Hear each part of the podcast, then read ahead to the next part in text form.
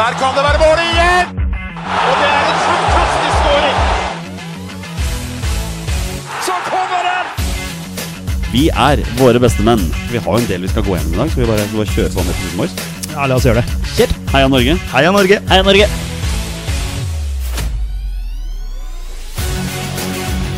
Takk, Ole Gunnar Solskjær!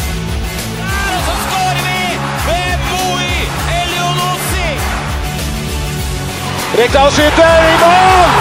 Og Norge leder 1-0!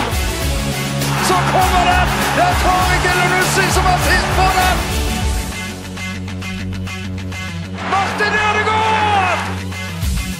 Hjertelig velkommen til alle våre følgere og lyttere der ute til det som er tidenes aller første episode 165 av Våre bestemenns podkast om norsk landslagsfotball. Mitt navn det er Jonny Normann Olsen, og med meg her i studio har jeg hverdagsretten fra Bogerud, Petter Hermansen, Heisan, heisan. og rabagassen fra Raufoss, Torstein Bjørgo. Hei. Torstein, uavgjort for både Raufoss og Liverpool i helga. Ja. Øh, ganske fornøyd med begge resultatene, egentlig. Uh, Raufoss greide jo å tape hjemme mot Øygarden uh, for en ukes tid siden. Uh, Det var, det var overraskende. ja, det var overraskende når du har mulighet til å ta steget opp til kvalik uh, til det forjettede landet Eliteserien. Så um, røyk vi på en smell. For du, var- I fjor så skrøt jo du voldsomt at Raufoss var det eneste laget som slo Ålesund i Obos-ligaen i fjor. ja, Du kan legge fra deg det nå.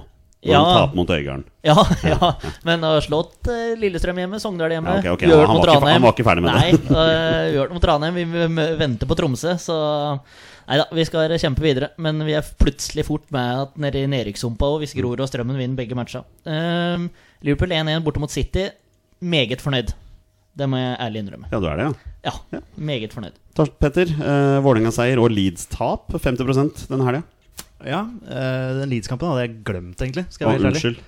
Nei, men det var jo Altså, jeg har jo snakka med Torstein om det at uh, Leeds ikke har fått noen sånne VAR-avgjørelser mot seg enda Men så fikk de jo det nå i helga, da. Og jeg jeg ble sånn Jeg ble sånn matt. Jeg ble sånn jeg fikk ikke lyst til å se på fotball. Nei, det var en sånn en, ja. Ja, altså, Det er så håpløst at det, det er ikke gøy engang. Nei, det, det, det er det verste. Så, men Vålinga var veldig gøy.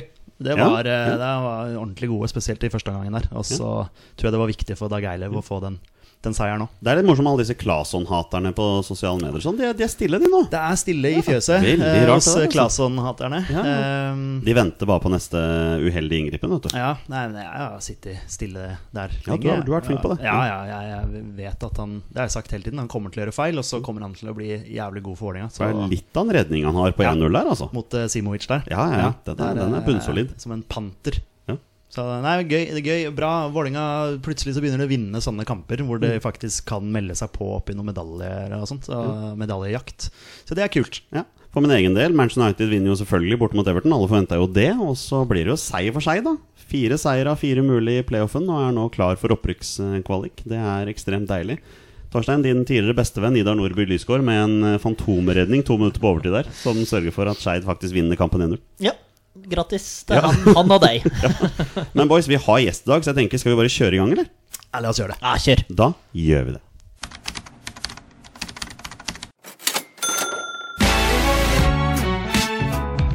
Dagens gjest er journalist i Dagsavisen, ivrig Vålerenga-supporter og en del av østkantens pøbelvelde. Men du kjenner han også som Påsan i Midt i smørøyet, og naturligvis som en av grunnleggerne av hiphop-gruppa Gatas Parlament.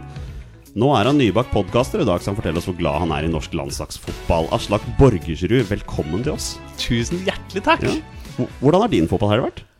Åh, min har vært eh, litt opp og ned, faktisk. Okay. Ja, for Jeg er ikke så opptatt av utenlandsk eh, fotball. Nei. Eh, men jeg følger Vålerenga i alle kjønn. Så jeg var jo først en tur på, på, på Sognsvann Ja, ja. med damelaget. Hva i all verden skjedde der? Nei, altså, der skjedde jo Vålerenga, da. Eh, på sitt mest eh, klassiske. Eh, Vålerenga tapte 3-2 til slutt, eh, var det ikke det? Mot eh, Lyn. Et, en dumpekandidat av et hobbylag fra Oslo vest som ikke har stadion og ikke har Nei. Ehm, så det var jo en klassisk Vålerenga-snubling. Eh, det hyggelige var jo selvfølgelig at eh, de har jo bare tribune på én side av banen eh, der ute på Kringsjå. Riktig. Sånn at det var veldig lett å være bortesupporter. Da var jeg rett og slett supporter. Altså. Så Ja. dro jeg og, og, og sto der og, og hang og så kampen fra, fra sidelinja. Eh, omtrent samme tribune Jeg vil sammenligne det kanskje med Stabæks eh, hjemmebane. Det er liksom eh, på samme nivå, eh, bortetribunen. da Ja, ok. Eh, ser litt bedre på Kringsjå, faktisk. Men jeg må jo si at jeg, det var noen øyeblikk der jeg gjerne skulle hatt var, for å si det sånn. Ah, ok. Altså, det, det var noe dømming der som var altså, av en helt annen verden. Så vi fikk juling, da. Eh, og der er jo da situasjonen at uh, Vålerenga og Rosenborg eh, står på samme poengsum. Vålerenga har bedre, markant bedre målforskjell, fire eller fem mål eller noe sånt bedre. Og begge skal møte sånn nokså dårlige lag i siste runde i neste helg. Så, så det kan fort bli sånn derre Det sånn det- Det er eh, Det er jo mye rart eh, innimellom i toppserien. Ikke sant? Du kan risikere der at du får liksom 6-0 i den ene kampen og 2-0 i den andre kampen, og så snur det på altså et eller annet sånn helt uh, drøyt resultat. Men uh, det blir spennende. Har jo sett det at Rosenborg-damene er jo ubeseira i år. Så de kan jo ende opp på andreplass i serien uten å ha tapt en kamp. Ja, ikke sant? Det er jo det. Ja, De har mange uavgjorte kamper. Ja, fordi jeg, jeg, jeg følger jo selvfølgelig damene litt. Eh, og Rosenborg utligna vel på overtid mot Vålerenga i sånn 93. Ja, de gjorde det. Ja, ja. Stemmer det. Stemmer det. Ja. Det var jo, så da kunne de fått sitt første tap, rett og slett. Ja, ja. Men det er sterkt, da, å gå ubeseira og allikevel ikke vinne, eventuelt. Men, men da hadde du kanskje bedre på Intility på søndag? Absolutt. Der var det, der var det i det minste tribune. eh, Sitteplass. Jeg, jeg har begynt å å Egentlig så er jeg liksom politisk journalist i Dagsavisa, men eh, akkurat i år så har jeg blitt mer og mer eh, sportsjournalist. Ja. Eh, og dette har jo også gjort at jeg har starta liveblogg fra Vålerengas hjemmekamper, og, og noen av de nærmeste bortekampene også, for å være helt ærlig. Eh, så jeg har jo altså fått sett så mye fotball eh, i år. Så kjipt, da. Eh, Jeg fikk jo Ikke sant? Så jeg fikk valuta for sesongkortet mitt, på en måte. og Jeg bare Ja, måtte jobbe for det også. Ja. Eh, nei, men eh, det var jo en veldig hyggelig, eh, hyggelig eh, kamp, eh, egentlig. Vålerenga skårte på to flaksete hælspark. Eh, altså, uh, begge, både 1-0 og 2-0 var på en sånn Var det hælsparket der med vilje, eller var det Eller var det en snubling? Den ene fra Kjartansson og den andre fra Odin uh, Diago Holm. eh, Til henholdsvis Herolin Sjalla og Matti Wilhelmsson. Så det var jo moro. Det var altså så kaldt. Ja.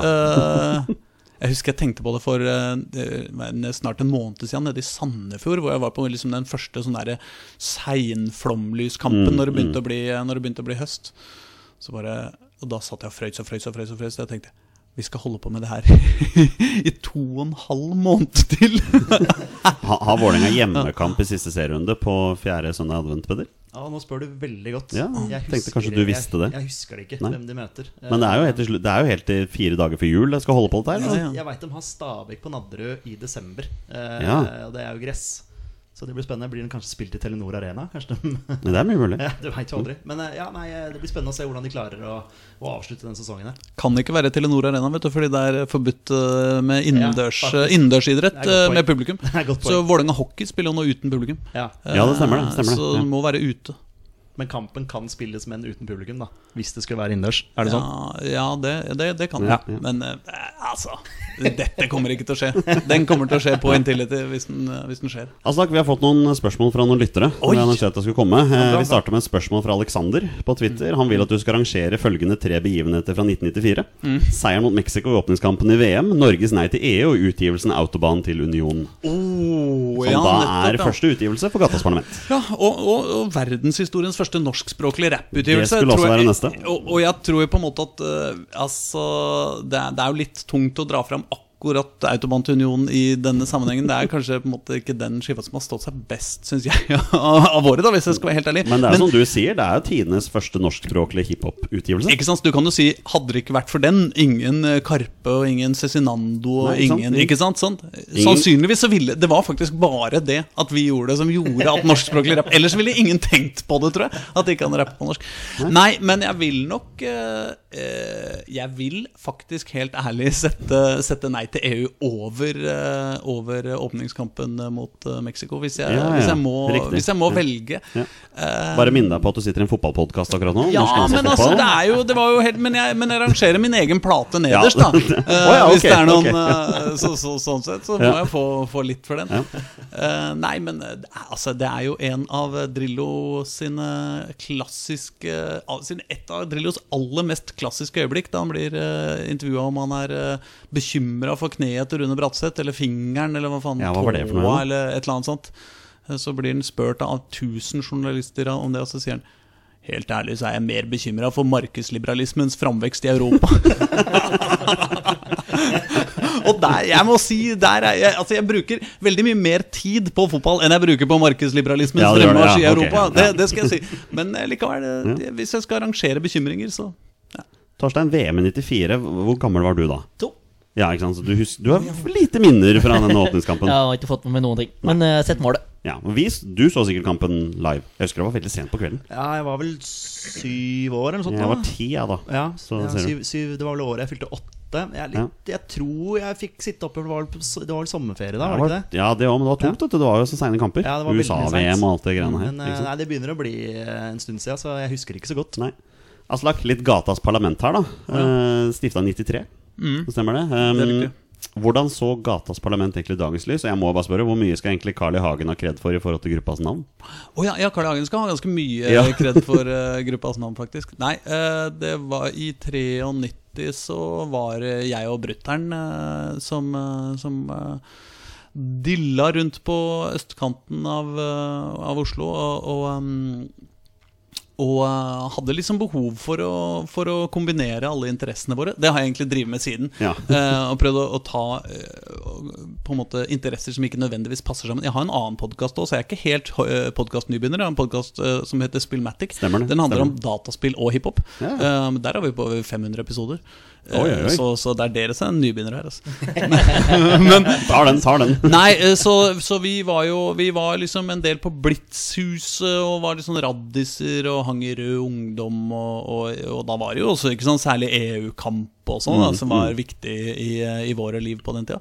Og så var vi jo sånn glad i hiphop og ville drive med det, så vi kombinerte det. Men jeg altså var lillebror, så det er jo eh, Jeg var på dette tidspunktet en eh, pur ung eh, 15-åring, Mm. eh, mens storebrutter'n var ivrigere, flinkere enn meg, så han dro med meg, da. Så, så sånn, sånn skjedde det egentlig. Og han er fortsatt med i Han er fortsatt med. Ja. Gatas eksisterer fortsatt. I sant? En broren min, og så eh, en som heter Jester fra Holmlia. Ja, vi, vi, Eller- kom, vi kommer litt til det får spørsmål i til han også. Å ja, vi, vi skal dit òg, ja. Men uh, på det andre På spørsmålet om gruppas navn, så var det rett og slett Det var en gang det, På den tida så var liksom uh, Frp litt mindre stuereine enn i dag. Er de Eh, stuereine nå, altså? Altså, De er ikke sånn at overalt de møter opp, så kommer folk og kaster egg og tomater på dem. Nei, det er for sånn vidt Eh, sant. den er det andre grupper andre grupper på høyresida som, har- som har overtatt den, eh, den rolla. Nei, så, og vi var jo ivrige der i mot, på motdemonstrantsida. Så jeg husker en gang det var at eh, Jeg lurer på om eh, de møtte opp på 1. mai på Grünerløkka eller noe sånt. Mhm. eh, Frp. Og det var Altså, Grünerløkka var ikke helt det det er nå. Nei, da da var det jo en ekte arbeiderbydel. Eh, og det syns jo enkelte da var litt av en provokasjon, så det ble veldig store motdemonstrasjoner og mye eggkasting og sånn. Og så når da eh, politiet bare avlyser møtet, så sier Carl I. Hagen til, eh, til eh, reporterne som er der, at ja, det er tydelig at det er gatens parlament som styrer dette landet. Ja. Og vi bare hei, vent nå litt. Ikke gata, men gaten. Ja, Skal ja. riktig, parlament. ja. Sånn sett burde vi kanskje hett Gatens parlament, Nei, nei, men eh, det hadde ikke tatt seg ut. Um, jeg har lest. uh, stemmer det at dere møtte veldig mye motbør i det norske hiphop-miljøet fordi dere rappa på norsk? Absolutt. Ja. Det, tok, det tok en eh, sju-åtte år, egentlig, før, eh, før det var helt eh, ok Mm. å rappe på norsk. Men det er klart, altså, man møter jo alltid motbør eh, når man finner på noe nytt og rart. Så, det, så vi møtte jo mye motbør fordi vi var veldig politiske og veldig opptatt av sant? Vi var jo feminister, og det var jo også litt rart i hiphop på midten av 90-tallet, må jeg innrømme. så, så vi hadde så mye rart for oss, så, Ja, ja. så vi møtte jo mye motbør. Men det tok Det tok Altså vi, De første sånn tre-fire åra så var det helt umulig å få noe som helst til å skje. Og så utover sånn slutten av 90-tallet så begynte, det å, begynte vi å Mm. reise ganske mye rundt og spille mye, mye konserter og sånn. Og så begynte det å komme noen andre grupper etter hvert som egentlig slo gjennom mye mer enn vi gjorde, og, og, og liksom eh, begynte å selge plater og sånn, litt sånn over 2000-tallet. Ja. Så da var det greit. For jeg har også lest at f.eks. Klovner i kamp da, Mm. eh, sier jo at hadde ikke Gatas Parlament eksistert, så hadde ikke Klovner i kamp eksistert nå heller. Nei, sånn sett så kan vi jo angre litt. Nei, da, nei, oi, er det feide på gang her? Altså, vi har hatt en liten fotballfeide med Klovner i kamp. Ja, ja. Eh, De er jo vestkant, Vest mot vest, ja. Mm. og heier på Lyn. De lagde en fæl, fæl låt. eh, 20 000 tommesetter. Ikke sant? Eh, Lyn, eh, lyn sånn. Jeg syns det var litt morsomme jeg. Ja, men altså, skal du lage artig, ironisk låt, så lag noe om noe annet enn fotball, altså. Ja. Så spør du meg, da. Men, så, men, men, vi har, men det er jo én i Klovner i kamp som er fra, fra østkanten, sort of. Eh, nemlig Fingeren. Eh, så vi, uh, alle, og vi Han hadde jo vi vært på kamp med og kjente jo og, og, så, så vi allierte oss med han og lagde Ja. en uh, lagde Vålerenga-låt med liksom én av Klovner i kamp-gutta. Da følte vi at vi hadde stikket en, stikket en liten torn inn i, inn i gjengen deres og, og lagd, lagd bøll. Så det var deilig. Da lagde vi 'Vi er alle fra Vålerenga'. Ja. En, en eh, herlig, men eh, u... eh, hva heter det? Usminka stjeling av uh, Rammstein. her. Ja, men det er lov. Ikke sant? Du, Ja, Har det vært noe sånn copyright-greier der, eller? Altså- nei, nei, vi har ikke, vi har ikke hørt noe. Så. Nei, nei, nei. Men altså det, de bryr seg ikke. det er liksom Det er liksom eh, det, det, er mange som har skrevet akkurat den melodien der opp Ja, igjennom. ja, altså. ja, ja. Du, Vi har fått et spørsmål fra Ragnar på Twitter. Stemmer det at Jester hadde sesongkort på Gjemselund i oppveksten? Oi, uh, det, det er ikke godt å si. Nei, det nei, nei. tør jeg nesten ikke svare på. Ja, er, han fra, er han fra området? Ja, han er fra Kongsvinger, Ja, men det ser ja. Ja, så, så altså, det ville ikke overraske meg om faren hans var det. Hadde det. Eh, men jeg Altså og, eh, Nei, jeg, jeg, jeg aner ikke. Nei. Jeg, egentlig, for å være helt ærlig, så tviler jeg. Ja. Men, eh, men jeg skal ikke si noe. Jeg, jeg, gjetter på at han heller sto bak tribunen og spraya Og tagga ned nå i stedet. og, og tagga. Ja, det, det. Sorry, Ragnar, du får ikke noe svar på det spørsmålet her i dag. 2011, da er det over. Gates parlament. ja, for meg. Ja, ja, for deg, ja, selvfølgelig. Mm, Så det er jo spørsmålet Hva har du drevet med de siste ni åra? Hvis du skal få to minutter til å fortelle alt du har gjort på ni Ja, år. nei, jeg har jo stort sett fått meg sånn mer eller mindre ærlig arbeid. da Som Ja. stort sett har gått ut på å utnytte eh, liksom eh, B-kjendisstatusen til, til å få overbetalte jobber innen media. Eh, så, jeg, har stort, så jeg har jobba Jeg har vært journalist eh, en stund i Computer World, eh, men nå de siste fem-seks åra i Dagsavisa. Mm. Og jeg har vært litt eh, på Stortinget og dekka, eh, dekka liksom eh, Jeg hadde et sånt prosjekt som het En slask på tinget, hvor jeg gikk inn og, og, og tulla mye rundt på Stortinget. Sendte rørpost med, med, med, med GoPro-kamera eh, inni for å finne ut hvordan rørposten på Stortinget så ut inni. Og sånne ting Og nå skriver jeg stort sett Oslo-politikk da i Dagsavisa, så jeg driver og dekker eh, rådhus og eh, ikke sant, byråd og, og den type greier. da Men så driver jeg også da litt fotball på si, og lager da podkasten Trikkeligaen, Ja, som vi- akkurat har begynt med. Ja, Vi kan gå litt inn på den veldig kjapt. Det er jo en ny, nystarta podkast som hovedsakelig fokuserer på Oslo-fotballen. Ja, det fokuserer er jo- ganske helt på Oslo-fotballen. Ja, Vi kan vel egentlig bare si det. Helt på Oslo-fotballen. Og det er du, og det er Reidar Solli, Håkon Thon, altså hele sportsredaksjonen til Dagsavisen. Ja. Basically. Ja. Ja. Eh, Så vi prøver å dekke Vålerenga, da, både menn og damer. Og så prøver vi å dekke Grorud og Skeid og Koffa og Ja, ja. Kjelsås og Lyn iblant, hvis de skulle finne på å komme seg ut av ikke sant? Ut av koronapandemien. Ja, ja, ikke sant? Ut av, ut av breddefotballen og inn Ja, i ja, toppfotballen. Um, så det, det har vært uh, veldig gøy, altså, syns jeg. Jeg har fått et anonymt spørsmål fra en av dine kollegaer. Jeg kan si så mye da, at det er fra en kollega. Oi. Så lurer på om du veit hvilket Oslo-lag som har flest kombinert serie- og cupmesterskap? Som har flest kombinert ser Altså flest til sammen, eller Flest flest, sammen, sånn, ja, Hvis du ikke- legger sammen antall seriemesterskap med cupmesterskap. Jeg måtte faktisk sjekke det sjøl. Ja, nei, altså Da tar jeg det for gitt at det ikke er Vålinga uh, siden det åpenbart uh, det, det må jo være en kollega som har lyst til å gi meg et eh, stikk i sida av dette. Um, så, nei, vet du hva, det er jo et godt spørsmål. Det er Altså Nå prøver jeg å tenke Hvem kan ha sendt dette spørsmålet, og hvilket lag heier vedkommende på? Og det er det som er så vanskelig. Nei, men altså Kan det rett og slett være Lyn? Man kan ta fasiten med en gang. Det er ikke Lyn, da. Nei, ikke. Eh, Både Skeid og Vålerenga har ni kombinerte serie- og cupmesterskap. Men Røa damer har uh, ti. Selvfølgelig han sa det sjøl, det var et lurespørsmål. Ja. Han regner med at eh, ingen her kommer til å ta den, da. All right, Aslak, nå har vi snakka mye om det som ikke har med landslagsfotball å gjøre. Nå må vi prate litt om landslagsball her. Mm. Absolutt. Så hva er ditt forhold til norsk landslagsball? Nei, vet du hva, det eh, er veldig av og på, for å være helt ærlig. Jeg er veldig, veldig glad i landslaget i, perioder. Og så mister jeg litt sånn håp og troa. Og det som er fordelen med landslagsfotball, fotball, sånn jeg ser det, da sammenligna med klubbfotball, er jo at man kan egentlig velge litt hvor mye man bryr seg. Eh, og det er jo på en måte en mulighet som, som vi ikke har når det kommer til klubbfotball. Men liksom, når det er en trener jeg skikkelig ikke har tro på i landslagsfotballen, så kjenner jeg alltid at det er sånn Jeg ser kampene og sånn, men jeg hopper ikke opp og ned, for jeg har liksom eh, jeg har, Det er liksom ikke noe trua. Og så rykker man jo ikke ned i landslagsfotball heller, så man får jo ikke de der helt absurde skuffelsene heller, ikke sant? Men nå kan man det. Som- I Nations League. Nå kan man faktisk rykke opp og ned. Jo, jo, men det har jo ikke noe så mye å si, da. Det bare gjør, gjør liksom veien litt annerledes. Ja, ja. Og det er liksom så kommer Joker Nord, og så får du en tredje Altså, det er jo så mye greier der. Um, sånn at jeg må si at uh, under Drillo ekstremt med. med. Under Semb helt ok Ja. med. Uh, altså Så er det Hareide, Høgmo Hareide og Høgmo? Nei. Nei. Altså, jeg, jeg følger med, men jeg greier liksom ikke å brenne for det. Uh, også med han derre Lars, da. Ja, for det er min neste spørsmål. Hva er dine sant? tanker om Lars Lagerbäck? Nei, i, egentlig så tenker jeg Jeg er veldig for Lars Lagerbäck. Ja. Uh, eh, og da tenker jeg vel egentlig eh, som Lars Lagerbäck som en slags Drillo. Altså, eh, Norge kommer aldri til å få eh, et av verdens ti beste mannskap eh, på fotballbanen.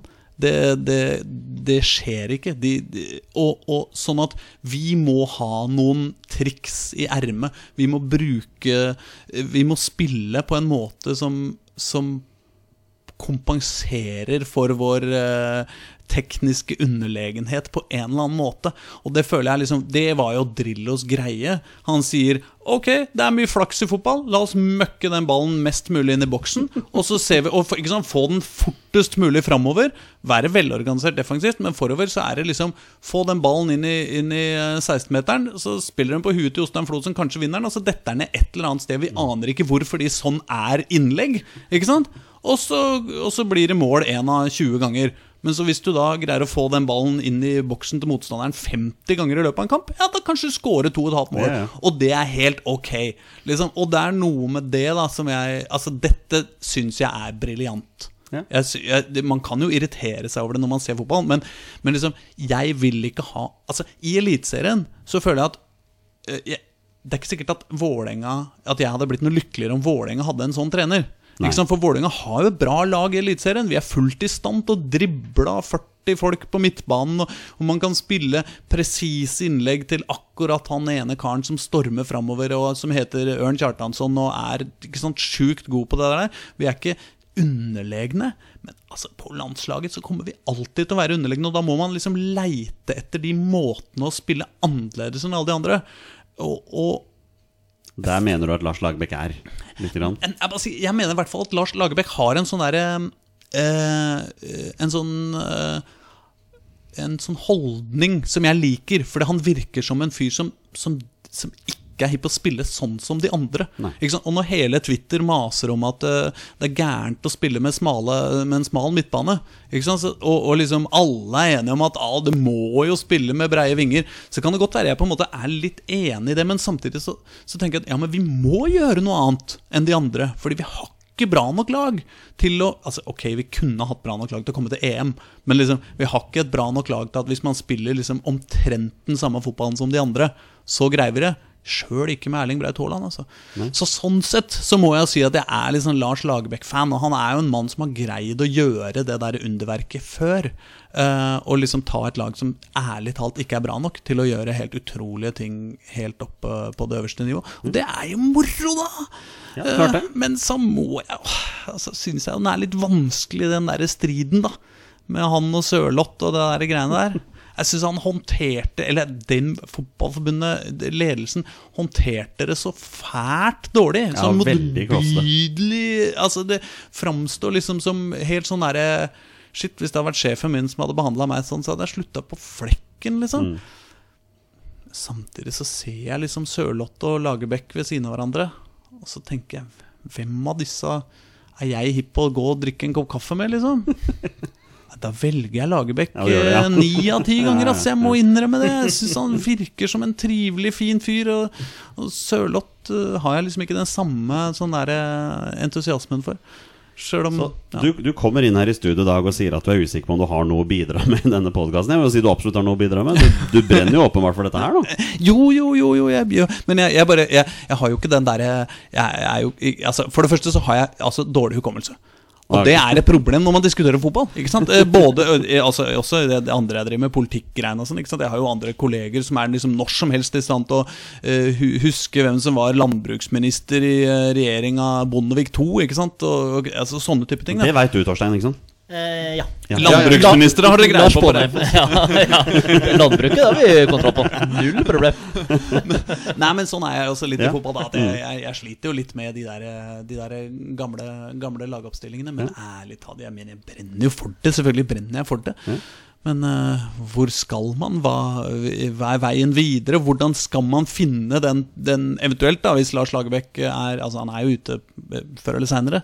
Så ikke sant, hvem skal man finne som kan tørre å stå i den derre Altså fordi Når du finner på noe helt annet enn de- andre, så får du mye juling. ass Da er det sjukt mange som hater deg. eh, Og du skal være så faglig sterk, og du skal være så bygd av betong for å, for å både overbevise spillere og for å, å stå imot uh, trøkket fra utenomverdenen og synsere og sånne som, sånne som oss. Men det er jo litt sånn vi har vært av det, Petter. Hvis vi bare nevner det Vi har vært litt av og på med Lagerbäck, vi også, de årene han har vært her. Vi er vel mest på av nå.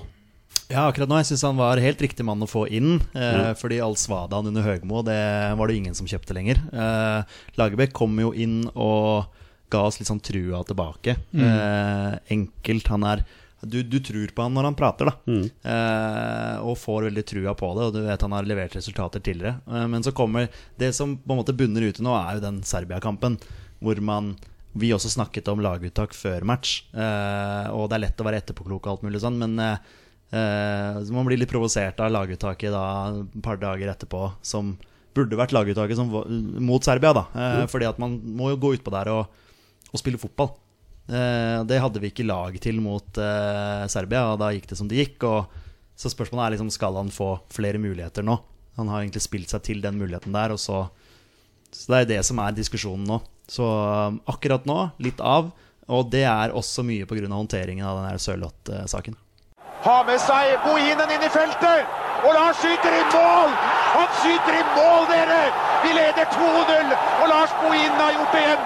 Mine herrer, i dag har jeg ikke mange landslagsnyheter på agendaen, men det er på tide å ta en liten diskusjon. Eh, spørsmålet er veldig enkelt. Bør det egentlig arrangeres landskamper i disse koronatider? Nå misforstå meg rett, jeg elsker landslagsfotball. Og mitt forhold til A-landslaget for herrer, det kjenner jo dere alle sammen. Men når Norge nå får strengere og strengere restriksjoner og smitten øker for hver dag som går, så er det litt spesielt at Norge skal møte Israel i det som faktisk er en privatlandskamp i morgen. Eh, fast lytter Olai Årdal spør jo på Twitter om hvor håpløst det egentlig er å spille en privatlandskap midt oppi en pandemi der smitten bare øker og øker. I dag har vi fått beskjed om at Israel har fått et smittetilfelle i sin egen tropp. Og han er da satt i isolasjon, mens tre lagkamerater er satt i karantene. Torstein, jeg går rett på sak her. Burde morgendagens landskamp mot Israel vært avlyst? Ja. Du, du går også rett på sak. Jeg liker det. Ja, men det syns jeg, jeg synes det er ganske innlysende når eh, hele landet og nesten hele verden lokker ned for andre gang. eh, at det da skal spilles en fullstendig ubetydelig fotballkamp eh, mellom to lag. Er, og det skjer over hele Europa. Jeg syns det er ganske svakt. Jeg veit det er noen retningslinjer overfor Uefa og noen forpliktelser for TV2 og hele pakka der. Men det er litt sånn som Petter har sagt tidligere, at det her er en unntakstilstand. Det er ingen som har opplevd det her før, eh, som lever den dag i dag. Det er spanskesjuka som er det siste, liksom. Uh, og det er jo 100 år siden. Uh, og da bør det være unntak fra Uefa og TV2 og alle som skal ha penger for dette her òg. jeg syns det er veldig spesielt at det skal spilles en fullstendig ubetydelig match. Men er den egentlig så ubetydelig, Petter? Altså, er Vi kjemper om Fifa-poeng her i forhold til VM-kvalken, og det er jo også en mulighet for andre spillere i troppen som ikke har fått så mye spilletid til å vise seg fram. Så, så hvor ubetydelig er egentlig den kampen her for deg? Eh, Den er ubetydelig eh, sånn med tanke på hva Torstein sier. Altså det er unntakstilstand. Ja. Eh, derfor er den ubetydelig. Derfor så burde man gjort hva man kan for å hindre at Israel skal slippe å reise til eh, Oslo. Eh, At eh, spillere som spiller i utlandet eh, skal reise til Oslo og slutte seg til en landslagstropp eh, her hjemme for vår del. Eh, internt også. Altså fly fra Bodø, fly fra Trondheim og alt mulig sånn. Det er jo eh, Man får liksom beskjed om å holde seg mest mulig inne og mest mulig hjemme, og så skal man allikevel på ja, død og liv eh, dra rundt omkring i verden og rundt omkring i landet og, og spille kamp. Jeg, det bare passer ikke helt sammen for meg. Og du nevnte jo også at vanligvis er det jo 200 tilskuere nå på hjemmekampene, men det blir null tilskuere på Ullevål i morgen. Ja, sånn som jeg forsto det, så var det no spectators. eh, Men jeg vet ikke helt. Det har vært veldig stille om det, egentlig. Så Det som, eh, kan jeg bare avbryte Ja. eh, nå? Eh, Det som òg gjør det litt enda mer spesielt, er at det er det har kommet fram at det er importsmitte som er den som smitter mest. Altså eh, Og at da kommer folk fra Østerrike, Tyskland, Frankrike, England Gud vet hvem som er tatt ut på det, etter landslaget her nå. Pluss en hel gjeng fra Israel. Eh, alle skal lande på Gardermoen, det skal fraktes der. Altså, det er importsmitta som drar eh, dette her, bare smittetallet øker òg. Eh, så det gir for meg til mening Fifa-poeng. Gir fullstendig blaffen i det. Det er unntakstilstand. Eh, bruker huet litt mer enn hjertet akkurat nå. Hva tenker du, Aslak, om eh, morgendagens storkamp mot Israel Ullevål? Jo, det er, det er jo kjedelig å være enig om alt mulig, men, men eh, ja, altså, Nei, jeg syns jo det er absolutt 1000% absurd. Men, det jeg også må si, da, er at eh, i sånne situasjoner Eller i den der pandemien her, så har det jo vært et sånn politisk problem, egentlig, at ansvarsfraskrivelse i forhold til eh, hva man bestemmer og hva man ikke bestemmer. Fordi eh, f.eks. For mellom staten og Oslo kommune så har det vært sånn her Ok, hvem er det som skal stenge ned? Hvem er det som skal ta avgjørelsene? Fordi det har ganske store økonomiske konsekvenser hvem det er som tar avgjørelsene. Fordi det er staten som sitter på penga, ikke sant? Og i den situasjonen her, så er det åpenbart Eller jeg tar det for gitt at NFF sitter og skriker til, på telefonen til Kulturdepartementet og sier eller, eller til Uefa eller til hvem som helst. Men det er jo ingen som vil ha den kampen her. Dem vil jo ikke ha den kampen her heller. Dem skjønner jo like mye at det er et håpløst prosjekt, og, og de utsetter spillerne sine for u, helt Helt unødvendig fare.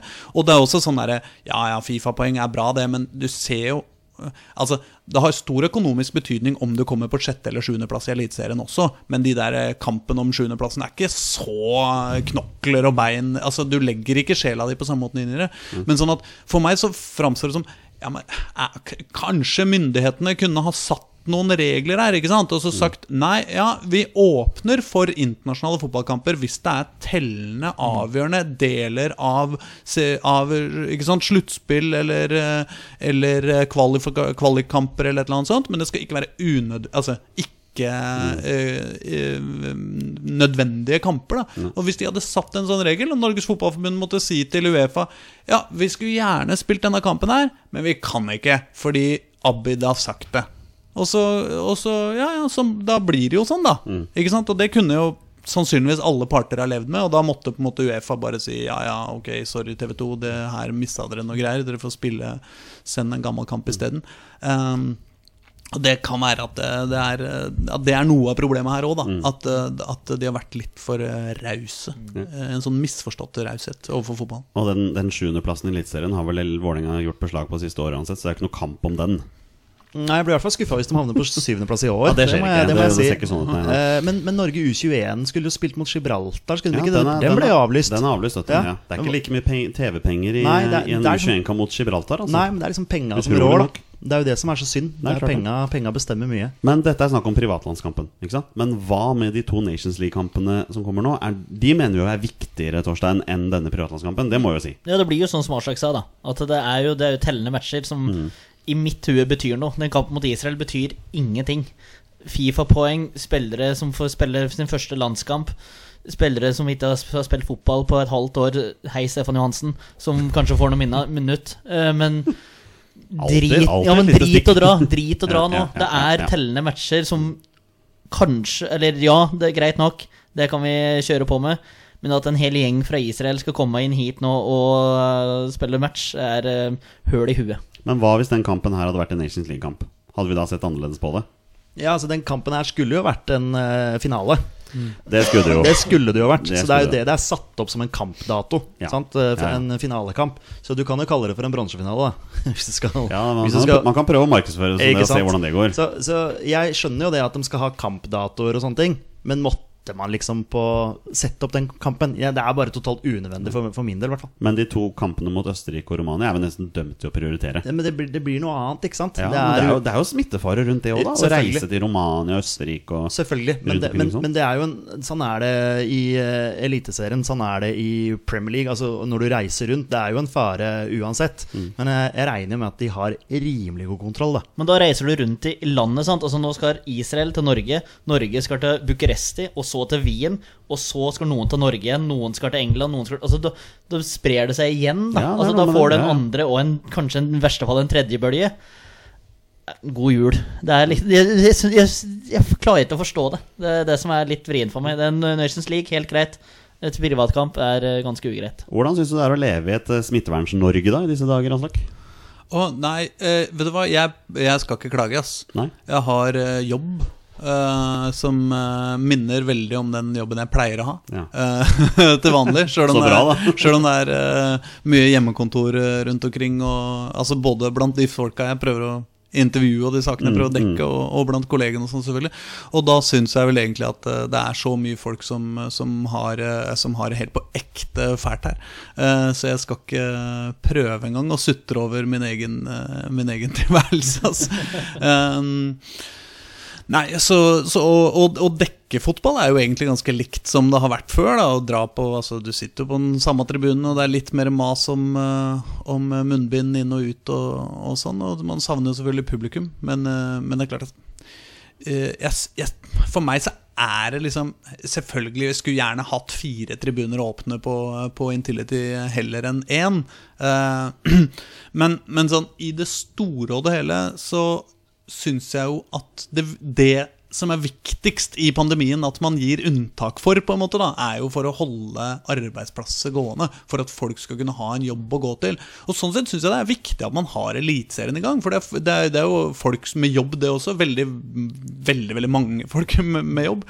Eh, eh, men det er klart at men, det er klart at det, jeg, jeg synes jo på en måte det er viktigere Jeg vil heller at de skal sette inn trøkket på å få åpna vanlige kafeer igjen, enn å absolutt få åpna eh, tribunekiosken på, på fotballstadioner mest mulig. Altså. Så ja. Hvis det Ja. ja, ja, men, men ikke for det. Altså, men jeg, jeg, jeg, dauer jo etter å, etter å få tilbake fullt trøkk. Og, og på, på, eh, på Intility så er det jo også altså VIF-klanen har jo ikke altså, Det er mange supportergrupper som har eh, åpenbart ordna noe med klubbene sine. Sånn at de har fått inn liksom Ok, her er de 70 mest ivrige syngende, de får komme inn, liksom. Og så blir det sånne synge, ekte syngetribuner da på deler av, av- arenaen og sånn. Vålerenga har jo ikke gjort det i det hele tatt. Sånn at eh, det er veldig sånn fra kamp til kamp, da. Ikke sant? Om det er tre stykker som er skikkelig ivrige og drar med seg de andre, så kan det være helt ok trøkk på, på tribunen. Og så er det noen kamper hvor det er liksom ingenting, og hvor liksom eh, sangen slutter halvveis i Vålerenga kjerke på introen. Det er helt sånn der Å, fy faen, hva er dette for noe greier? Til og med vi i Skeidoksen har en sånn avtale med klubben. Og med eget felt og antall billetter og sånn. Så det er mulig, altså. Ja, men Vålerenga har, sagt, eh, har sagt nei. Altså Klanen har sagt nei til at de vil ikke lage noen sånne dealer. For De vil heller ha det rettferdig fordelt mellom sesongkortinnehaverne. Men dette diskuterte vi i forrige landskamper også. Når det først er 200, kamper, 200 billetter til kampene, så burde de vært gitt ut til Oljeberget, NSA, sånne ting, da, for å faktisk få litt stemning på kampene. Ja, det var vel det Var det ikke det nå sist, da? Var det ikke var det, ja. NSA og og Oljeberget som ble prioritert? Ja. Vi har ikke blitt prioritert ennå. Nei. Nei. Lite politiske budskap fikk vi også på den ene kampen her òg. Han som hadde skrevet 'hoax' med store bokstaver på På munnbindet På sitt. munnbindet sitt, ja. der, ja. ja, han var kul. Og den er lur, og det er mål! Og det er Frank Strandli. Dette har avsluttet seg mye for laget som skårer. Og det etter vel 14 minutter.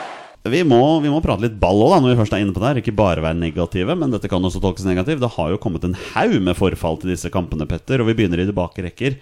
Jonas Svensson, Birger Meling og debutant Stian Gregersen har alle meldt forfall til landskampene, i tillegg til at Tore Ginussen har lagt landslagsstøvlene på hylla. Eh, Inn kommer Sigurd Roseth og potensielle landslagsdebutanter Marius Lode og Simen Juklerød. Han er jo flere på sosiale medier som har mast om skal inn på venstrebekken, og nå får han muligens sjansen. Ja, skal han inn på venstrebekken? Ja, eller, eller høyre, hvem vet. ja Det er jo en liten potet der også. Ja, nei, det, Men jeg vil jo tro at i hvert fall til den Israel-matchen at det er ganske lett å melde forfall. Det er jo en sånn ja. det er jo en litt sånn Har en liten føling der. Er, jeg vet ikke om jeg gidder å spille den der Israel-kampen. Jeg, jeg vil tenke litt sånn, da. Det er jo litt morsomt at Eller morsomt i at de forfallene Det kommer så mange forfall. Mm. Eh, jeg vet jo at Gregersen har slitt med skade. Eh, det vet vi jo. Måtte jo ut i Arsenal-kampen her. Som eh, følger Eliteserien tett. Mm, mm. Eh, men de andre er ikke oppdatert på sånn, om hva slags skader de har. Nei, nei. Men nei, det er litt sånn Litt spesielt at de forfallene kommer nå. Men Torstein, vil du si at det er fortjent at Marius Lode og Simen Juklerød nå omsider får sjansen på landslaget? Marius Lode har jeg sett mer av enn Simen Juklerud, så da veit jeg fryktelig lite om han. Men Lode har jo vært solid for så vidt i hele år. Ja. Hadde vel en liten tofots på en Vålerenga-spiller her. Var det han som ble Ja, det Ja, var han som ble utvist. Ja, stemmer. Ja, stemmer. Ja. stemmer. Ja. Men uh... Fæl spiller, altså. Nei da, så, sånn sett det er artig det at eh, eliteseriespillere får, uh, får sjansen. Juklerud har jo nesten vært sånn at vi har kødda om. Men uh... Ulven. Er det ikke sånn han feirer? Jo, jo. Juklerød? Ja, Ja, ja, ja, ja, ja. Ja, ja. Fra ulven. Jeg, holdt nå opp, opp en U til dere som lurte på det. Jeg syns det er veldig morsomt å se midtstopperne til Bodø-Glimt. For det er jo så spillende midtstoppere. Den skal forsere ledd og sånne ting. Så det er gøy det å få på at det kommer inn på landslaget her. Um, Aslak Simen Juklerød, det er en fyr du har uh, sett spille før, men kanskje ikke på bekken? Eh, Nei, han pleide å spille høyreving, uh, føler jeg, i Vålerenga. Med Eh, blanda resultater, hvis jeg riktig. Ja, altså, det, det var Jeg føler på en måte litt han, har en liten, en liten dash Jørgen Jalland eh, i seg. Altså En spiller som liksom Ja, er helt ok på Vålerenga. Liksom, og jo, jo, forsvarer plassen på laget. Og jo, jo, kan jo sikkert bli spennende og har noe greier iblant. Men liksom Wow, hva skjedde med karrieren de plutselig? altså, hvordan, Hvem er agenten? Eh, Hvilket geni? Nei, men jeg føler vel egentlig at uh, det som det positive som kan sies om den, eh, om den kampen som kommer nå, er jo at våre beste menn om i episode 734 Det kommer til å være så mye gjett eh, Altså sånn 20 spørsmål om folk som har fått én kamp på det norske landslaget, nemlig hevvis. november 2020. Nei, jeg får jo haugevis av spillere jeg kan bruke framover. Ja, forhåpentligvis. det er derfor du la til Israel-kampen skal spilles, Jonny. Ja, selvfølgelig. ja. Det var egentlig Jørgen Jalland skulle ha 20 spørsmål, så jeg får stryke ut han og ta en annen enn der. Nei, det det. Nei. Men det er jo alltid Det er jo vanskelig sånn quiz-messig. Quiz Teller en sånn kamp egentlig? eh, Når man skal gjøre opp eh, det store Jeg hadde jo en eh, Jeg har et eh, veddemål med en kompis. Eh, Et veldig langtgående veddemål. Først så begynte vi med Alexander Mathisen. Om han noensinne kom til å komme på landslaget. Ja, han hadde potensial, han. Jeg vedda nei. Eh, og da han gikk til Ålesund eh, fra Vålerenga, så kjente jeg at det så litt roligere ut. Vi vedda et halvt sesongkort. Vi måtte, vi måtte prisjustere det på en eller annen praktisk måte. Ikke sant? Fordi det kan jo ta litt tid før, eh, før folk kommer på landslaget. Uh, men jeg, jeg, jeg vedda jeg, jeg vant da det, det halve sesongkortet. Men så tok jo selvfølgelig en kvitt eller dobbelt på Kamel Kaka. Eh, Kamer Kaka. Ja. Eh, som jo, altså Da han kom til Vålerenga som 16-åring, jeg tror han var eh, tidenes yngste debutant i Eliteserien, i hvert fall for Vålerenga, og helt usedvanlig driblesterk. Jeg husker jeg så han borte mot Oppsal i en eller annen sånn Ja, da var han 14 år eller noe sånt. Ja, ja, han var, var knapt eh, Hadde ikke hår et sted på kroppen ennå. Og han dribla altså noen av de der Oppsal-folka sånn at de faktisk datt på rumpa og bare satt og flira og lo av han derre ballgeniet Kamer Kaka. Eh, så eh, beklager avsporing, altså. Men i hvert fall så, så, så da gikk jeg all in på han, da. Eh, på at han kom til å bli landslagsspiller. Eh, og så er jo problemet at han etter en sånn halv Jeg skal ikke si halvvellykka engang. En, en mye dårligere karriere enn vi hadde, jeg hadde håpa på den kvelden på Oppsal, eh, i hvert fall. Eh, så har han jo meldt overgang Og han eh, har til spilt- Albania. Spilt for Albania, han Ja, også. men, men ikke sant, teller det, da? ikke sant? Og der, jeg kjenner at det, er no, det kommer til å bli noen sånne dilemmaer også knytta til den, ja. den eh, Israel-kampen. ikke sant? Er det, er det en tellende kamp når man har Nei, nei, det er vanskelig. Han, han Kamer spiller for Kongsvinger, han Torstein. Ja. Ja. Ut sesongen. Kan jeg, en liten sånn fun fact her. Mitt første gule kort i min fotballkarriere fikk jeg av Svein Erik Edvardsen når jeg feide ned kamerakaka. Ja, stemmer det. Stemmer. Vi har vært inne på det før. Ja. Det er veldig morsomt. Veldig Jeg måtte bare ta den nå. Ja. når, uh, Eh, Var det velfortjent? Eh, Kan ikke du jeg, altså, jeg, jeg, Kan du gå litt Kan du fortelle Ja, hva nei, men skjedde? det vi kan gjøre det, Vi kan jo ta det kjapt. Han uh, var jo veldig teknisk. Uh, sentral midtbanespiller spilte jeg da, eh, mot Brambu, mot Kamer. Og ble jo lei av å bli drilla rundt, så idet han forserte, så kom, det, kom det en solid eh, nedsparking der. Og Edvardsen var raskt oppe med, med det gule. Ja, vi har jo snakket om det her før mange ganger, Petter. At det at Bård Finne spiller fotball i dag, er jo utrolig. Jeg grisetakler en 13 år gammel Bård Finne utenfor Brann stadion. Vi spilte løkkefotball der. Ja, du gjorde det. Ja, du gjorde det. Det, er, Ja. ja, Det var flaut hvordan han og Kasper Skånes herja med oss. ja, det var, det var De var 13-14 år der, ja. Eh, på midtbanen, da, hvis vi må tilbake til landslaget. Vi har, Det var der vi var. ja, det var der vi var. Vi har fått et forfall der også. Det kommer fra Mathias Nordmann. Erstattes av Iver Fossum. Ja. Ikke det mm, Det er ikke et sånn bytte du jubler høyt for. Det er ikke et sexy bytte. Det er ikke det. Det er det ikke. Eh, veldig synd å miste Mathias Nordmann. Det er det. Eh, det er jo en vi har veldig trua på, og en som kommer til å være en fast mann på midtbanen vår, forhåpentligvis. da Men eh, Iver Fossum vel aldri er jo en av de der som aldri liksom har gjort noe spesielt på landslaget. Altså, Ja, han sånn- hadde jo en, en, og nesten årets mål for landslaget i fjor. Jo. Med hælklakken sin mot Ja, Færøyene der. Ja da, for all del. For all del. Det er, eh, kan hende at vi også hadde klart å score mot Ja, Færøyene. det kan, hende. det faktisk. kan hende ja. Uten å, ja. Torstein, hva er det du pleier å si? Det er jo kanskje ikke noe som river skinnet av pølsa? Nei, men uh, Iver Fossum han eh, skal få kred. Han, han har begynt å spille litt for Aalborg nå. Håkon Grøtland har jo ståltrua på han, så vi må jo bare la eksperten tale og håpe han har rett. Så får vi se, da. Om han presserer mot Israel og Romania og Men Håkon Grøtland kommer til å ha trua på Iver Fossum til han er 40. Ja, det tror jeg. Ja. Det tror jeg.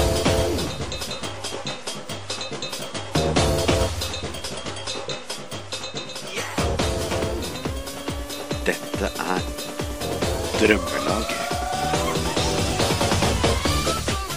Ja, Da er det på tide med et segment vi ikke har altfor ofte, Petter og Torstein, men det er tid for gjestens beste menn, hvor gjesten har med seg et drømmelag. Vanligvis så er kriteriet at alle spillerne på laget skal ha en eller annen form for tilknytning til norsk landslagsfotball, men Aslak, du har vel vært litt utpå og sagt at du kanskje bryter reglementet litt denne gangen? Ja, altså Tilknytning er jo et veldig løst begrep. Det er det, ja. Spør du meg. Så, så eh, altså, at personen f.eks. burde ha spilt på landslaget, er jo eh, altså, ut Det er en tilknytning, det. Ja, jeg, jeg mener det er innafor. Ja, ja, ja, Fordi det er åpen for tolkning her. Ja, Hvis, hvis Aslak mener at han skulle spilt på landslaget, så er, så er jeg innafor denne. Ja, eh, nei, men, men de, de aller fleste har en litt tettere tilknytning til det. Men jeg har på en måte prøvd å sette opp en, eh, en slags Oslo, et Oslo-landslag, da. Mm. Har jeg tenkt. eh, Det er kult. eh, jeg, jeg er jo veldig glad i Vålinga så jeg prøv, har prøvd å bredde ut litt fra Vålinga. Ja. Eh, tross alt, for jeg er en raus fyr. Ja, Det får vi svaret på nå, tror jeg. Hvor raus du egentlig er. Men det er i hvert fall eh, bare, bare eh, spillere som er født, eh, etter hva jeg veit, da. Eh, I Oslo. Ja. Ja. Bring it on. Ja, nei, altså Det er vanskelig å unngå På keeperplassen så finnes det jo egentlig bare én fotballspiller i norgeshistorien, eh, sånn, sånn egentlig. Og det er Han kom fra, fra Kampen og heter Henry Tippen Johansen. Ja. Eh, Så, så han har jeg ikke noe spesielt forhold til sånn personlig.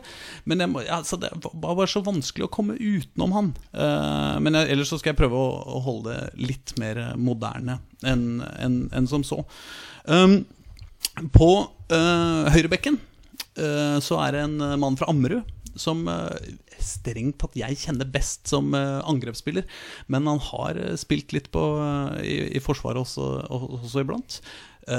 Dessuten er han en usedvanlig god rapper. Og spilte i en rappgruppe som het SCN, sammen med broren sin, omtrent på midten av 90-tallet, da jeg drev med rapp. Jeg er spent på hvem det er. Jeg, Jeg veit ikke hvem det er? altså? Nei, det Ammerud, Beck, litt langt framme. Hvem er dette her, da? Christer George. Mhm. Altså igjen, altså big ups til det, til det, det, til det bandet der. Tine, Det Tidligere var- Skeid. Den burde jeg tatt, faktisk. Han spilte for Skeid. Ja, ja, ikke sant? Han har jo uh, heller ikke spilt for Vålerenga. Eh, dessverre. Men han har spilt for landslaget. Ja da. Han har en Ja, ja, eller to Han, han, har jo, han var jo i Rosenborg i mange år og alt mulig. Eh, på eh, andre uh, Nei, på stoppeplass Ja. uh, så, så må vi også ha en, en fyr fra Vålerenga. Og en fyr som er, er, altså Tilknytninga til landslaget er vel mest det at han har spilt veldig mye ungdomslandslagskamper. Og ellers så burde han ha vært på landslaget, eller burde i hvert fall være på vei inn på landslaget. Jeg tror til og jeg vet om dette. Ja, dette tror jeg dere vet hvem er. Det er selvfølgelig Ivan Nesberg. Og altså Jeg må jo si at for et par år siden så satt jeg og heia som faen på Ivan Nesberg, liksom. Når han kom innpå liksom «Å, 'Ivan, dette er kult', og 'jeg kjenner faren hans', og 'bor nede i gata', og 'dette er stas', liksom. Men, altså, men, men da hadde jeg jo alltid litt sånn den litt ugne følelsen at vi slipper han jo fram fordi han er fra Vålerenga, liksom. Fordi det er så kult og er en trivelig fyr og alt mulig sånn. Men altså, Ivan Nesberg i år, han er jo blitt ballsikker Han er jo altså en av de best ballsikre pasningsleggerne på laget. Altså, det er helt utrolig hvilket Så han, han uh, tror jeg ikke vi skal se helt bort fra at kommer til å komme på landslaget heller. Og han har U-landskamper, så han er innafor, han. Ikke sant? Ja, faktisk. Men uh, jeg har bare skyte inn. Jeg bare for en utvikling han har hatt denne sesongen her. Helt uh, utrolig. Men jeg har hele tiden sagt at han er best som stopper. Ja, ja. Fordi ja. Deila drev og brukte han ut på venstrebekken Bare tull, Det er bare tull. ja. Ja.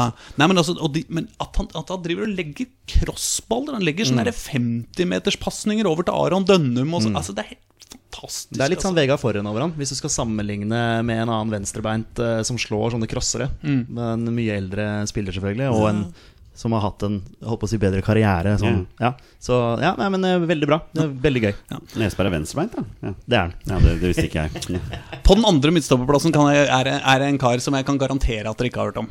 Oh. Ja, eh, Eller i hvert fall ikke veit greier å gjette. Eh, Det er en, eh, en, eh, en mann som hadde fem eh, sesonger for Vålerenga. eh, Fra 1913 til 1917. Han okay. heter eh, Rolf Dahl, og han er tippoldefaren til unga mine. Å. Så han må få være med. Selvskreven. Uh, det, så, så enkelt er det. Uh, på, uh, på venstrebekken så har vi en hamarsing, men som er født i Oslo. Og eh, han har jeg mest med på laget for å passe på en annen som også er på laget. Og da skjønner du allerede Det må være. Tom Henning Håvi. Nei, det er ikke Tom okay. Henning Håvi, vet du. Okay. Nei, her skal vi til Knut Arild Løberg. Løberg, ja. Ja. Ok, ok. Men vi Gamle, får komme gamle Vålerenga-trener? Har ikke han vært trener for Vålerenga? Han har vært i hvert fall Jo. innom eh, Jeg lurer på om han hadde en liten kort periode. Tror det var før din tid, Torstein. Ja, Tom Henning og Håvi er jo Gjøvik-mann. Ja, men Ja, ja. eh, altså, For meg er det én venstrebekk i Vålerenga, og det er Tom Henning ja, Håvi. Ja, ja, ja, ja, ja. Jeg satt egentlig bare og hørte venstrebekk. Da ble, da ble det sånn. Tidligere kaptein i Skeid, han, men ja. Ja. Eh, På ankerplassen sentralt eh, på midtbanen så skal vi ha han jeg mener eh, egentlig, helt på alvor, er Vålerengas neste A-lagstrener. Um, en eh, spiller som, eh, har, eh, som i dag er trener i utlandet. Um, oh ja. ja. ja, du, du, du Jeg, er, jeg tror er jeg, skal, skal vi over dammen, eller? Vi skal absolutt over dammen. Ja, men da tror jeg Petter også veit hvem det er snakk om. Ja da, vi skal til kongen av Tøyen. Ja, selvfølgelig. Pa Modoka. Han også tror jeg at uh, han Altså Jeg tror han aldri har rappa, men han er liksom så mye hiphop at eh, jeg Mm. tror han skulle lagd band sammen med Christer George og, eh, og prestert. Ja, ja. Eh, veldig bra. Altså en, Litt av en fyr, altså, Ja. på, på alle måter. Så han, han må være med på et fylkesmesterlag. Eh, på indreløper har jeg plassert en kar som ikke er eh, strengt tatt er eh, indreløper til vanlig. Han er mer av en wing-type, eh, men han er fra Manglerud. Og han eh, er også eh, fetteren til en som spiller i band med en jeg har spilt i band med før. Fantastisk tilknytning her. Ja, eh, Og det syns jeg er såpass nært at eh, Niklas Castro må få være med Ah, ja, eh, ja. på laget. Nei, Jonathan Castro er nemlig Ah, eh, fetteren hans, en jævlig god rapper, og som er med i eh, det derre blokk til blokk-skuespillet som har vært så populært. Ok. eh, som er sånn hiphop-historiefortelling fra Oslo Ø. Eh, Men Nicolas Castro må med. Jeg, jeg har liksom inntrykk av at det kanskje muligens er noe litt eh, vondt blod mellom han og Vålerenga etter eh, den eh, exiten der. Det er det, det er det nok, men eh, jeg tror ikke det er mot Fagermo. da Altså hvis, Nei, eh, nå sant? går jo Ålesund ned. Eh, Ålesund går ned. Ja, Vålerenga trenger en ving, gjerne en ving eller to til. Jeg tar gjerne Castro hjem. Ikke sant? Mm. Det er noe med at Vålerenga trenger jo en spiller som uh, kanskje kan eh, hoppe inn for Ørnen når han eh, ikke tåler 90 minutter eller uh, trenger en uh, kamp på Altså, man trenger noen folk eh, der. Niklas Castro eh, Han skal i hvert fall på Oslo-landslaget. Det er ikke noe tvil om. Eh, på andre indreløperen uh, så har jeg valgt en fyr som er fra Tveita. Eh, Jeg og- prøver å tenke. Nå vet du, hvem er det, hvem er det og som eh, spilte i Vålerenga på starten av 90-tallet. Uh, Men eh, på et uh, tidspunkt så måtte han uh, dukka han bare ikke opp på noen treninger. Og så ringte han eh, til Og så ringte treneren etter han og fikk faen ikke tak i han. Eh, Så ringte han fra Nederland, for han eh, måtte en liten utenlandstur. Eh, vi snakker selvfølgelig om Pål Enger. Pål Enger, ja. Ikke sant? Ja. Eh, og han var jo allerede da på lag med Knut Arild Løberg, Ja. som er politimann. ja. Eh, At ikke han lukta lunta her. ja. Og jeg kjenner at skal vi ha Pål Enger på laget, så, så kan det være greit å ha en eh, politimann. Og, og også i og for seg motsatt. da Hvis vi skal Ja, ha en politimann, så trenger du en røver. eh, Bokstavelig talt. ja. Nei, så det, det, det syns jeg er Typisk Oslo-lag, dette her, altså. Ja. På, eh, på venstrevingen så skal jeg ha en fyr som, eh, som er fra Refstad-traktene. Han eh, får være Han får på en måte representere en hel generasjon av Skeid-spillere. Mm. For jeg kan ikke ha hele den Skeid-gjengen med på, lands, på Oslo-landslaget, for det blir for mange av dem. Men eh, det er nok den Altså, jeg skal ikke si den beste av dem, dem nødvendigvis, men eh, definitivt den kuleste av dem. En person som har eh, kanskje det aller høyeste toppnivået som fins i fotballen, Ja, ja. men også et eh, middelsnivå som er ganske lavt. Han har vært, han har vært ganske god i år, da. ja, For, for, for Skeid, altså. Ja, ikke sant? For Skeid. Uh, vi snakker jo om Daniel Bråten. Selvfølgelig, Da, selvfølgelig. Altså, han, har jo, han hadde jo en sesong eller så i Vålerenga også, uten at det blei noe særlig futt ut av det. Men altså, bare ha han utpå der. Han derre koselige bamsen. Nei, altså, er et uh, mirakel av en mann. Uh, på uh, midtspissen så skal vi ha en fra Gjelleråsen. Um, da var det mye flakking med blikket her. Ja, men jeg tenker, vet du, tenker så knaker. Jeg tenkte Det er jo en nokså merittert fotballspiller med medalje både i VM og OL.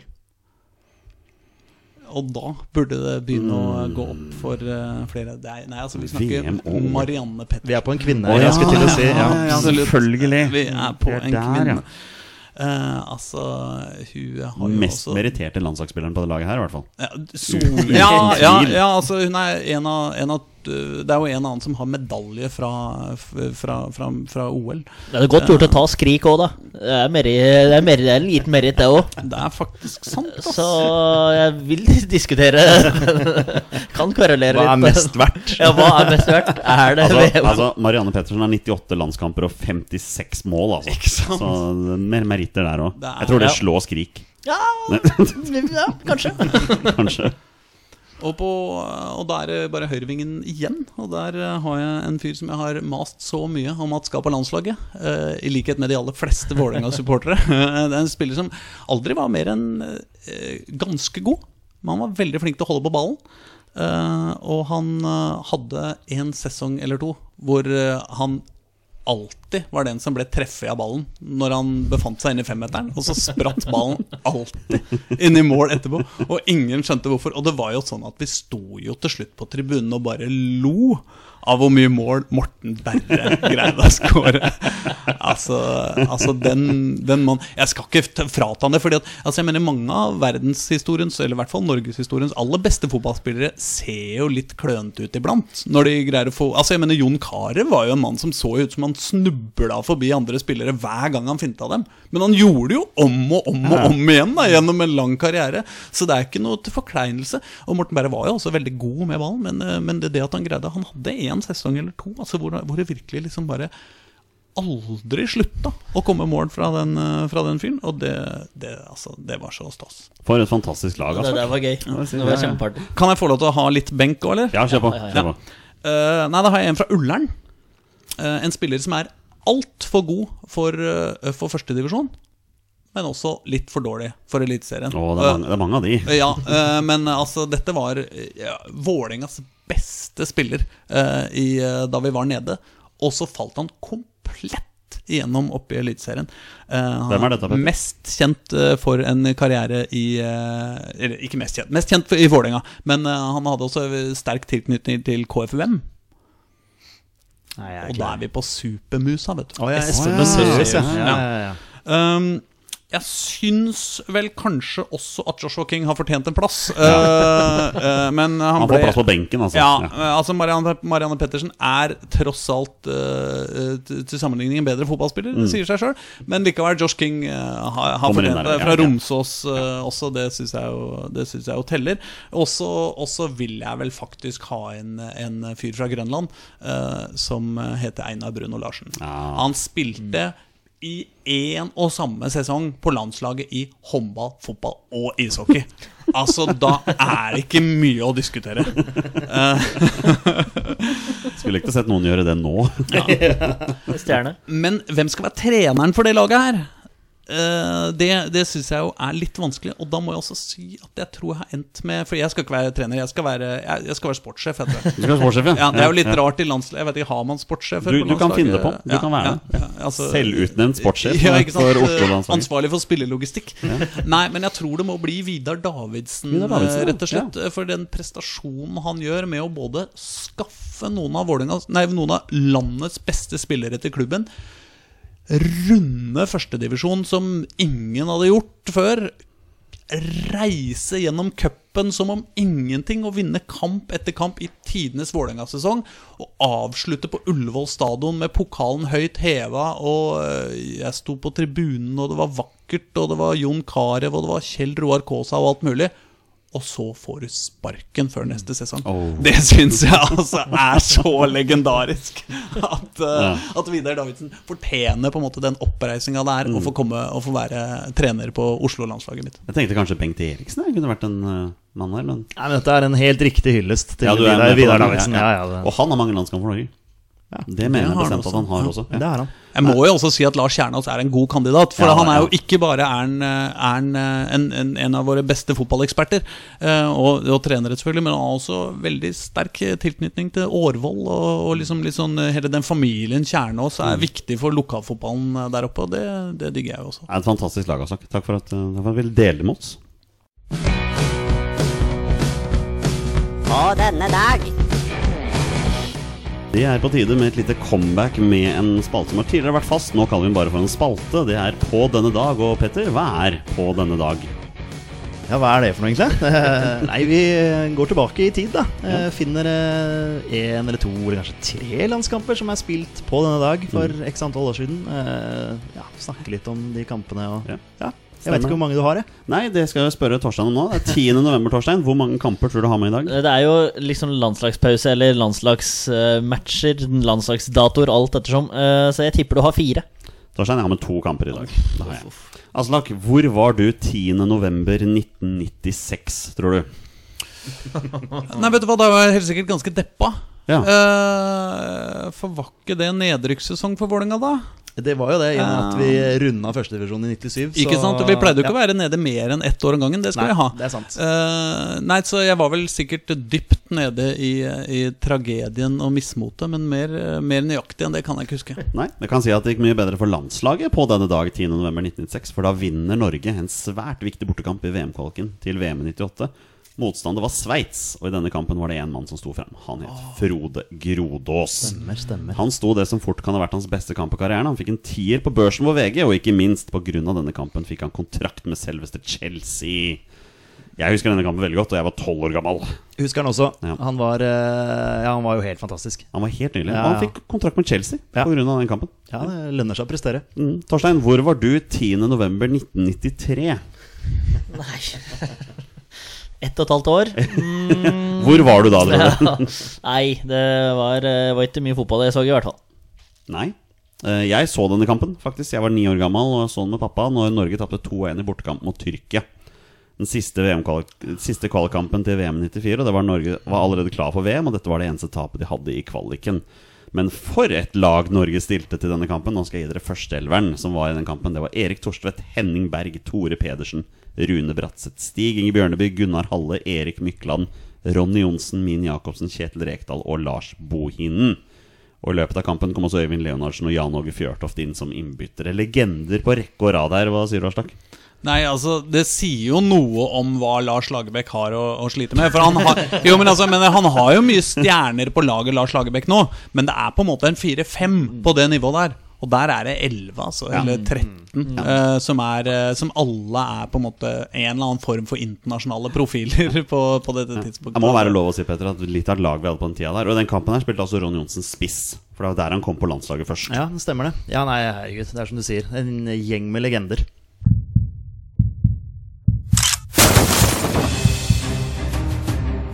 Er han nåværende landslagsspiller? Er han utenlandsproff? Er han fortsatt aktiv? Er han back? Har han spilt for Rosenborg? Mine damer og herrer, det er nå tid for 20 spørsmål. Vi avslutter som vi pleier med en runde med 20 spørsmål, og i dag er det Torstein, Petter og Aslak som konkurrerer. Jeg har funnet fram en spiller som har minst én A-landskamp for Norge. Og bonusregelen her, våre bestemenn, er at når de gjetter navn på en spiller, det er spillet over, og de har vunnet eller tapt. Dagens twist, mine herrer, den er for deg, Torstein. Du får ikke lov til å spørre om hvilken klubb eller klubber denne spilleren er mest kjent for. Ellers er alt annet opp for grabs. Vær så god. Ja, nei, Det er gjesten som starter. Ja, det er mest uh, naturlig å begynne med det viktigste. Er han trivelig? Det er mitt spørsmål. Ja. Ja, ja, du, ja ok. Det, det er greit. Så det er en trivelig fyr, dette her. Da- Det er et veldig subjektivt spørsmål, men jeg velger å svare ja. på det. jo, men, det, Men da, har i altså- hvert fall, da, da, da vil jeg i hvert fall tolke det sånn at Jonny har liksom inntrykk av at han er trivelig. Ja, ikke sant? Fordi det kunne jo vært en skikkelig douchebag. Det er mange som faller ut. Ja, Ja, det er ja, ja. åpenbart mange Ja, som det er en del douchebags som har spilt for, for Norge. Eh, jeg, jeg, Kanskje jeg skal spørre om er han god også? Så, så, så bare kaster vi vekk noen eh, spørsmål her. ja, men Det liker jeg. Det er et nytt spørsmål, i hvert fall. Det er jo gøy. Eh, er han fortsatt aktiv? Nei. En trivelig, ikke-aktiv spiller. Det må du få. Spennende. Uh, vi kan ikke spørre om noen klubber, men vi kan spørre om uh, karriere. Om han er mest kjent for å ha spilt i norsk fotball. Ja. Ok, hva med Er han uh, i dag ja, Er be- reglene er det, det er bare menn, eller? Ja, det er Ja, ja, ja, ja, ja, ja. Eh, Er, har han i dag en eh, på en måte synlig rolle i norsk offentlighet? Nei. Det er bra Nei, men spørsmål. det er fin. Det er fin. Det gjør det vanskeligere. Ja, men, ja, ja, ikke sant. Hadde du fått ja på den, så hadde det vært en Da hadde det vært Freddy Dos Santos allerede. Ja, faktisk. Han har ikke A-landskamp, men uh, tror jeg. Jeg tror i hvert fall ikke det. Jonny har pokerfjes her nå. Så det. Eh, vi, vi må prøve å få noen posisjon her, eller? Mest kjent for å ha spilt i, I norsk fotball. fotball. Eh, snakker vi her om en ja, midtbanespiller? Ja. Det var jo klink. Eh, sentral midtbanespiller. Nei. Vi skal ut på canten. Vi skal ut på canten. Eh, mest kjent for å ha spilt i Norge. Da liksom, tenker man at han ikke har vært med i mesterskap, eller? Eller Nei. kan han jo selvfølgelig bare prøve å tenke Altså Raymond Kvisvik. Jeg bare name-dropper. Trivelig. Venstrebeint. Ja, han er landskamper. Han er veldig trivelig. Ja. Jeg har ikke vært med mesterskap. Jeg har for så vidt vært med i Lange flate baller. Da var han jo med på i mesterskap. I et mesterskap Norge ikke var i. Og ikke veldig tydelig som profilert uh, i offentligheten, selv om Nei, litt ja, eh, litt Ja, han var jo med i Kompani Lauritzen her, men, Å, han var det, eh, ja, men da eh, tror jeg han ryker, tror jeg. Ja, da ryker Kvisvik Det der. spørs jo på tolkningen av spørsmålet, da, men uh. Der var han vel så trivelig at han tapte med vilje for at en mann skulle gå Ja, foran. han, Faktisk, han fikk faktisk. jo bading og høyde. Han har jo Ja. vannskrekk og høydeskrekk og hele pakka. Så han er jo så jovial, vet du. Men du kan jo spørre om han er venstrebeint. Det kan vi gjøre. Eh, Jonny, da må du inn på Google her. Eh, er han venstrebeint? Ja, gi meg litt grann tid. Ja, da kan vi ta så Ja, ellers da? Hatt en fin dag? Ja, vi har norsk fotball, da. Så er det Eliteserien vi kanskje går for neste. hadde vært veldig fint å få liksom avklart noe om tidsperiode. Ja. Ja, Altså, synes absolutt. det Er, eh, Absolutt. Er ferdig med å spille? All right, hva var spørsmålet ditt, Om Torstein? han er venstrebeint. Uh, ja. Ok, okay. hei sann. Ja. Ok. Og så kan det jo være at, eh, at vi kan gjette på at, eh, at vi er så høflige mot gjestene her at det er en spiller eh, som har en eller annen form for tilknytning til Oslo. da. Det går an, det det går an å spørre det. om Det det. ja. Det, det. det er mulig det er juks å på en måte ta sånne ting for gitt, men Ja, Torstein mener jo bestemt at jeg alltid har en eller annen Ja, greie på gjesten. Så. Men som det er en Vålerenga-mann her. Det kan jo fort være. Ja, det, det kan fort være. Men det er jo interessant med ja, tid, ja. Altså når han har spilt. eh, om, han, om når han har spilt landslagsfotball, eller når han har spilt Ja. kan ikke jeg ta en råsjanse på det? Har han spilt for Vålerenga? Nei. Beklager, Ja, jeg det bort, nei, nei, nei. nå har jeg kastet er bort tre spørsmål for dere her. Men det, eh, er veldig fint, Ja, Veldig fint. det da. er venstrebeint eh, midtbanespiller som er trivelig. som er trivelig. Det er jo Raymond Kusik. Har han spilt for Brann? Ja. Ok. Har han spilt for Fredrikstad? Ja. Har han vært med, har han vært med i Kompani Lauritzen? Ja. Det er For sjukt at du får en feeling på Raymond Kvisvik, og så er det han! Det er deilig. Det er faktisk eh, Det er faktisk eh, rått. Av alle spillerne Jonny kunne funnet fram. Ja. Har vi noe mer å ta han på? Han er jo delvis meg med i Fotballekstra Studio. Er det? Jeg Uh, ser hadde ikke på med seg ei ega vaffelpresse når han skulle på treningsleir på La Manga? Det vet jeg ikke. Det kan jeg ikke svare på. Ja, det vet Jeg føler at vi er såpass nær nå, er vi ikke det? Det er, hvor mange er det i Kompani Lauritzen? Er ikke dette Trenger vi å Må ta noen sjanser i livet òg. har, har ikke du noen flere spørsmål som Robin Kvisik, har du noe fra media, noe sladder? Nei, eh, nei, jeg er ikke Som tåler podkastens lys? Nei, var det ikke noe med at han fikk eh, huset sitt bygd av supportere eller noe sånt? da? Riktig. riktig det var Har vedkommende fått huset sitt eh, delvis eh, bygd av eh, ufaglærte supportere? Ja, Om de var ufaglærte, vet jeg ikke, men, men ja på alle måter. Det vet jeg. Nei, men uh, gjesten, du får smashe du når, uh, når du er klar. Ja, Skal vi si uh, Er det Raymond Kvisvik, eller? Gutter? Det er Raymond Kvisvik. Så jeg må bare stille deg et spørsmål, Torstein. Hadde du vært inne på Raymond Kvisvik så tidlig hvis du ikke hadde fått svar på om han var trivelig? Det tviler jeg på. Så da var det et bra spørsmål Ja, av Sake Borgersrud. Det var helt fantastisk. Bryte opp litt Men det blir jo det nye. rutinene. Det blir jo det nye. Vi starter jo med er han trivelig først. Dere kommer til å bruke det aktivt, dere nå. Lett, Jeg må faktisk finne ut om spillerne velger nå er definert som trivelige. ja, men Det syns jeg er bra. Altså, Istedenfor å begynne med er han fortsatt aktiv, så er han Ja, trivelig. er det en ålreit fyr, liksom? Ja. Det er, eh, Ja, nei, det syns jeg er fin. Ja. Ja, men Det er bra jobba, Torstein. Ja, du skal få mye ære. Men det er Ja, klart men, at eh, Aslak her skal få uh, mye cred for den trivelige Raymond Kvisvik er riktig. Hvor mange landskamper har Raymond, mine herrer? El- Elleve. Jeg ville nesten satt fem, jeg. Ja, hva sier du, Torstein? Han har elleve landskamper. Er Oi, hei sann. Petter. Ja. Hvor, mange lands hvor mange landslagsmål på de to? To. På de to? Da ble- var det to, da. Ja, det var to, ja. Du, ja, ja, du, Ah, det der var jeg lure. Men uh, ta en annen, da. Uh, hvilke tre klubber har han spilt uh, tippeligafotball for? ja, vi var innom både Brann. Og Fredrikstad. Det er riktig. Og så Har han spilt tippeliga for, Moss, kanskje? Det er helt riktig, vet du. Ja. Han kom jo til Brann fra Moss i 98. Var der i fire år. Én sesong i Åstra Wien, tilbake til Brann. Og så var han faktisk fire sesonger i Fredrikstad. Spilte 101 kamper. Og avslutta i Kvikkhallen før han la opp i 2011. Da, så. ja. Landskampene fikk han mellom 2000 og 2006. Så er det det. Raymond Kvisvik. Ja, også, selvfølgelig han var med i Kompani Lauritzen og blei en kjæledegge for det norske folk. For den joviale, trivelige fyren Aslak som han er. Og så, tri- så trivelig at han tapte med vilje. Ja, En klassisk nummer elleve. Ja, Raymond Kvisvik. ja, Ja. Mm. Og meget solid venn. Jeg måtte faktisk sjekke om Raymond Kvisvik er venstrebeint. Ja, det, er, det, er litt, det er litt ja. skuffende. Det er nesten som å sjekke om Morten Gans Pedersen er venstrebeint. Ja, for han sto jo på sida på midtsirkel i Brann, og slår innlegg. Han jogga liksom ti meter Altså, jeg, jeg kunne tatt sjansen på å svare ja på det, men, men jeg veit jo ikke. Nei, nei, nei, men det, det er en ærlig sak. Visste det, altså. du det, Asbjørn? Nei. Nei. Og hvilket draktnummer hadde han i Brann, eh, Petter? Nei, som sagt, en klassisk nummer elleve. Ja, han, han var nummer 11 òg? Ja, det kan jo du finne ut, men Nei, det gidder jeg ikke å bruke tid på. Jeg tror du har det riktig. Mine herrer, vi har kommet til veis ende i det som jeg syns har vært en fantastisk eh, time og 20 minutter med pod. Aslak Borgersrud, tusen takk for at du tok turen. Herre min hatt, det er fint å være her. Ja, men så bra. Så, bra. Ja, ja. Så eh, Petter, du må begynne å høre på Trikkeligaen. Drive med litt snikreklame her for Trikkeligaen også. Bra, bra. Ja, spesielt oss som holder med på Oslo-fotball. Torstein, du hører på alt mulig annet. Jeg hører på Vazelin og Bille og Gusje. Det er vel det du gjør. Vasseligaen. Den er fin. Den er det er bra podkastnavn, faktisk. Gatas Parlament og Vazelina Billepers. Futuring hverandre, det hadde vært tidenes låt. Nå blir det sursprett på sløyden.